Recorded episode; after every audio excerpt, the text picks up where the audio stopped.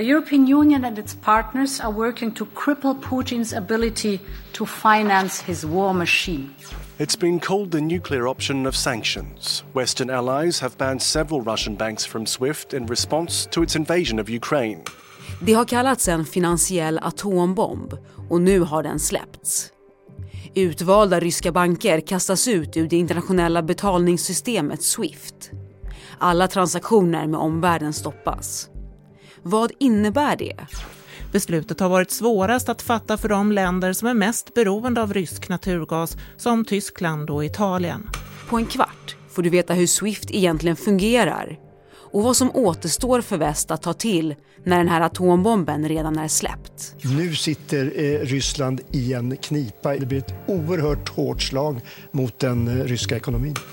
Det är måndag den 28 februari och jag heter Fanny Härgestam. Här är dagens story från Svenska Dagbladet.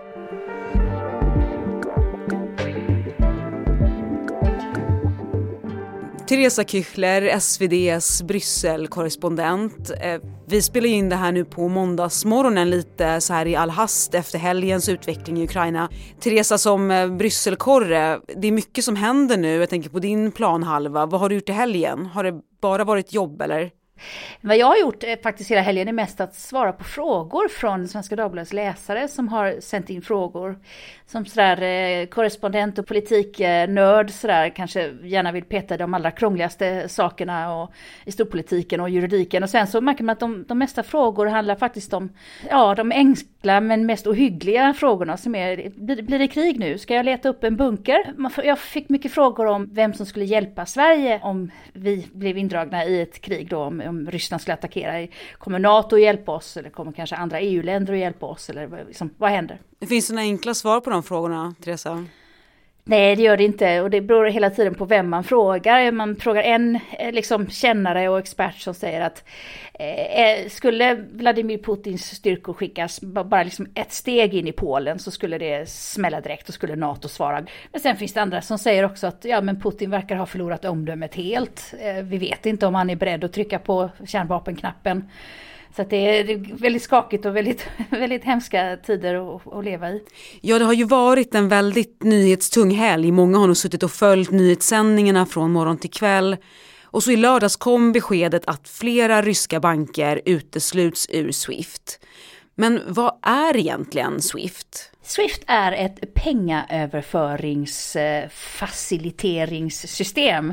Det många bokstäver bara. Nej, men så här, för varje gång man köper eller säljer någonting till utlandet så måste man använda Swift. Så att det är alltifrån om jag köper en bok på Amazon och den boken skickas till mig från London, då ska det gå en överföring då från mitt bankkonto här i Belgien där jag bor till ja, bokhandeln i, i London eller vad det kan vara. Och det sker genom Swift. Och på samma sätt som det används för liksom minsta lilla bokköp köp så används det också till exempel när ett land som Italien ska köpa gas från Ryssland för ett år i taget till exempel. Då går det ju en banköverföring från då, vad kan det vara, italienska staten till något stort gasbolag i Ryssland. Det, det krävs för att vi, när, när, Sverige kanske ska sälja 500 Electrolux eh, tvättmaskiner till ett shoppingcenter i Moskva, då används Swift för att då liksom den, den ryska vitvarucentret där ska kunna betala för de här svenska tvättmaskinerna. Man kan ju säga att Bryssel är Swifts hemstad, Bryssel där du bor och att själva byggnaden har ju du sagt är rätt obskyr. Det berättade du när vi, när vi förberedde lite inför det här avsnittet. Berätta.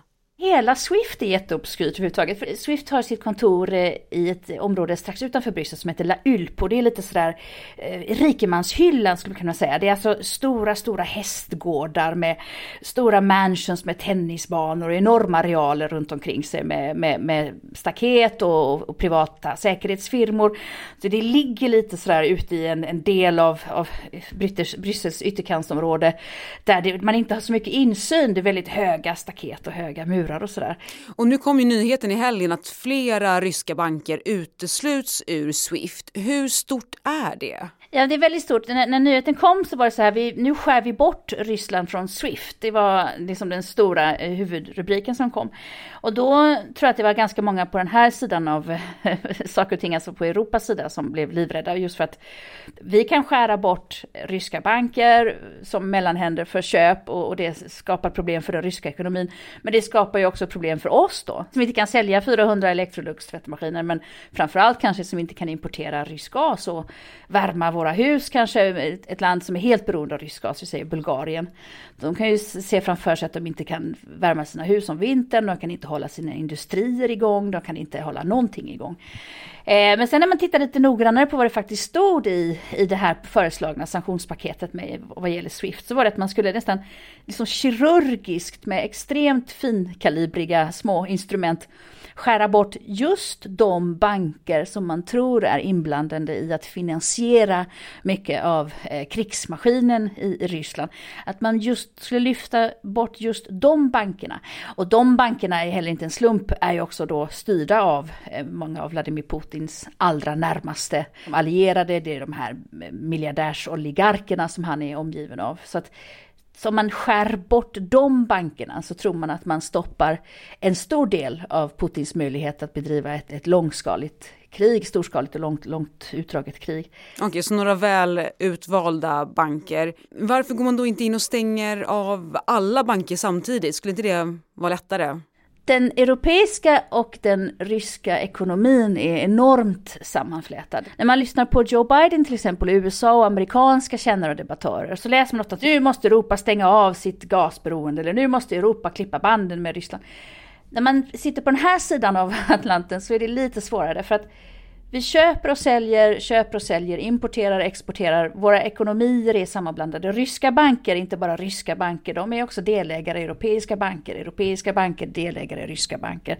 Det går liksom inte att komma ifrån att vår ekonomi sitter väldigt tajt ihop med Rysslands ekonomi. Och om vi skär bort hela Swift, ja men då kan inte längre italienska bönder sälja vin till Ryssland. Svenska bussar kan inte exporteras till, till Ryssland. Alltså, det är både på liksom storpolitisk nivå med gas ras och krig och de stora grejerna. Men det är också på den där lille, ensamma lille grekiske fetaostbonden. Han ska också kunna sälja sin ost till Ryssland. Alla behöver Swift. Vi har ju sett hur andra sanktioner har införts tidigare. Och visst är det så att vissa EU-länder har liksom dragit sig för det här? Det har rapporterats mycket att Tyskland är ett sådant land som då Tyskland köper väldigt mycket gas från Ryssland och säljer väldigt mycket tyska bilar. Eh, det har rapporterats att Italien importerar väldigt mycket gas från Ryssland. Men ska man helt krasst titta på det så de länder som sitter mest illa till är inte rika Tyskland och rika Italien utan det är fattigare länder i det gamla Östeuropa som är så extremt beroende av Ryssland. Både för att det liksom av tradition och historia har funnits mycket ryska investeringar i de länderna. Vi pratar om kanske Bulgarien, Rumänien. Men också att de är beroende av energin. Som sagt, så stänger man av den ryska gasen idag så fryser eh, halva Rumänien liksom, ordentligt i ett kallt land. De kan då inte längre liksom ens hålla sina industrier och hålla sig varma längre. Mm. Men Teresa, visst är det också så att det här är något väldigt besvärligt för Putin, för Ryssland. Eh, Ryssland kan komma att svara, alltså vad riskerar väst? Vad väst riskerar det är ju just då att, eh, att eh, Vladimir Putin stänger av gasen, det blir som du säger. Men det har inte i sig någonting med Swift eh, att göra. Om det är nu så att man då kirurgiskt plockar bort några banker men lämnar en rad andra banker kvar, då kommer man ju överföra alla överföringar från de bankerna som är avskurna till de bankerna som finns kvar. Så att man hoppas ju att man den vägen liksom kan fortsätta att köpa, sälja gas och annat samtidigt som man, de där kontroversiella bankerna, de som styr styrs av Putins närmaste oligarkvänner som man då menar liksom är de personerna som egentligen förvaltar alla hans pengar och som också ser till att det kommer in pengar i den ryska krigsmaskinen som man uttrycker det. Får man bort dem så kan man använda små, eh, små kanske helt eh, harmlösa inom citationstecken ryska banker för att, att sälja och köpa saker. Mm. Och, men det är ju inte första gången ett lands banker stängs av från Swift. Det har hänt förut. USA sanktionerade Iran så här 2019. Hur slog det? Ja, men det stod ju jättehårt. USA hade ett, ett, ett, ett tvåstegs, en tvåstegsraket där. Det ena var att man stängde av Swift. Och det andra var att man sa till europeiska företag att, att om ni handlar med Iran så får ni inte handla med USA. Och då var det ju såklart att väldigt många europeiska företag valde USA eh, före Iran. Men Swift-systemet var jättestort. Det fanns ju ett nytt eh, internationellt avtal, det så kallade Iran-avtalet, och som var det som USA eh, backade på och inte ville vara med på längre. Och Iran hade börjat sluta affärskontakter igen efter många, många, många års isolering på den internationella arenan. Och så helt plötsligt poff stängde av Swift. Och då som sagt, då går det ju inte att göra affärer. Du kan inte köpa in eh, varor eller sälja iranska varor. Iran ville sälja olja till exempel till, eh, till en del av, av världen. Eh, och det gick ju inte, för hur ska man kunna köpa den om man inte kan överföra pengar? Och de här bankerna då som, som berörs, vi vet ännu inte vilka det är. Eh, hur ska de jobba nu då? Alltså jag läste något från Vita huset, att Vita, Vita huset hade sagt någonting om att nu får de återgå till fax och telefon ungefär. Nej, jag tänkte att han skulle komma gående så här, du får ett dussin ägg av mig om jag får köpa, om jag kan få den här boken som jag vill ha på Amazon av dig. Eh, det är väldigt svårt att få en inblick i den, den ryska ekonomins eh, allra innersta. Så här, men det ryktas ju om att det, det finns väldigt, väldigt stora pengareserver undanlagda sedan många, många år i, i Ryssland. Eh, jag skulle inte, det skulle inte förvåna mig om det fanns något S i rockärmen som, som ryssarna tar till. Det, det sägs ju då liksom att de skapar kanske ett eget eh, Swift-system som man kan använda. Så det, och det är, kanske, det är ju smart, men det, det funkar ju bara om mottagarsidan också gör det. Du kan fortfarande inte sälja Electrolux tvättmaskiner fram och tillbaka om Ryssland använder eh, Swift och vi använder Swift. Alltså det går inte, vi måste, det måste ju synkas på bägge håll i ett köp, i en transaktion. Och jag tänker på det här med Putins krigsförmåga just nu. Kan Swift-sanktionen påverka den? Eller kan man tänka sig att det kommer ta ett tag innan effekterna märks?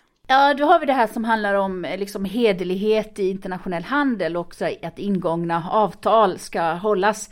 Jag kan tänka mig att man stänger av Swift, då kan inte Ryssland göra nya köp av till exempel eh, ja, men vissa eh, utrustning, krigsmateriel, vapen och sådär. Men däremot så har jag svårt att och tro att europeiska företag och andra företag skulle backa från ingångna avtal. Eh, först för att liksom krigsindustrin är, att det är pengar, pengar, pengar, det drar in mycket pengar till många europeiska länder.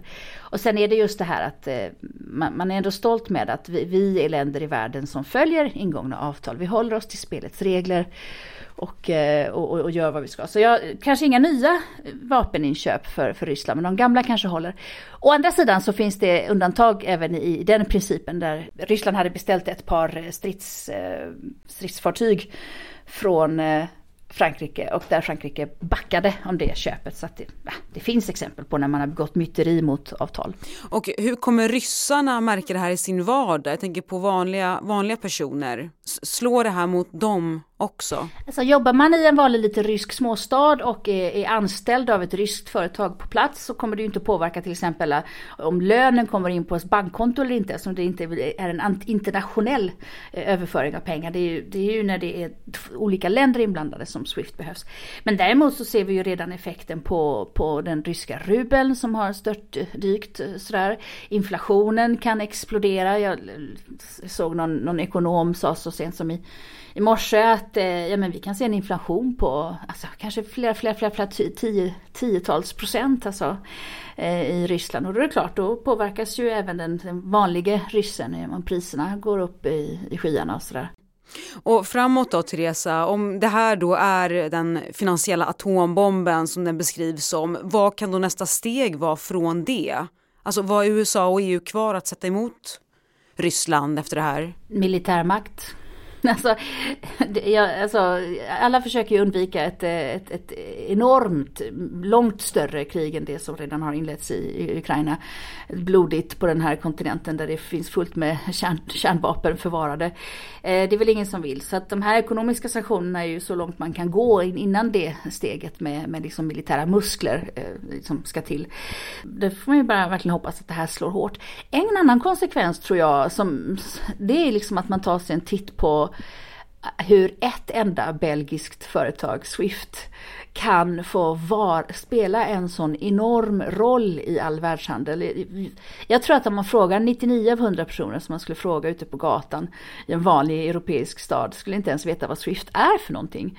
Och ändå så är det liksom ett företag som sitter i centrum på, i storpolitiken just nu. Jag undrar om man inte kommer se över om vi måste ha backup-system för liksom pengatransaktioner. Eller om det är precis tvärtom, att man säger att det här är ett jätte, jättebra vapen. Det finns bara ett sånt här system om vi har det i bakfickan vid konflikter med andra länder så joho! Liksom. Så, så jag vet faktiskt inte, men Swift är ju märkligt liksom. Eh, ingen, de ställer inte upp på några som helst intervjuer, man får inte besöka eh, deras eh, område överhuvudtaget. Jag har liksom försökt, alla mina kollegor här i Bryssel har försökt att få, få, få komma ut till eh, La Ulp och se på liksom, hur det ser ut hos dem. Och så här, men det, det, är helt kört. Det är det mest eh, märkliga företaget som finns skulle jag säga.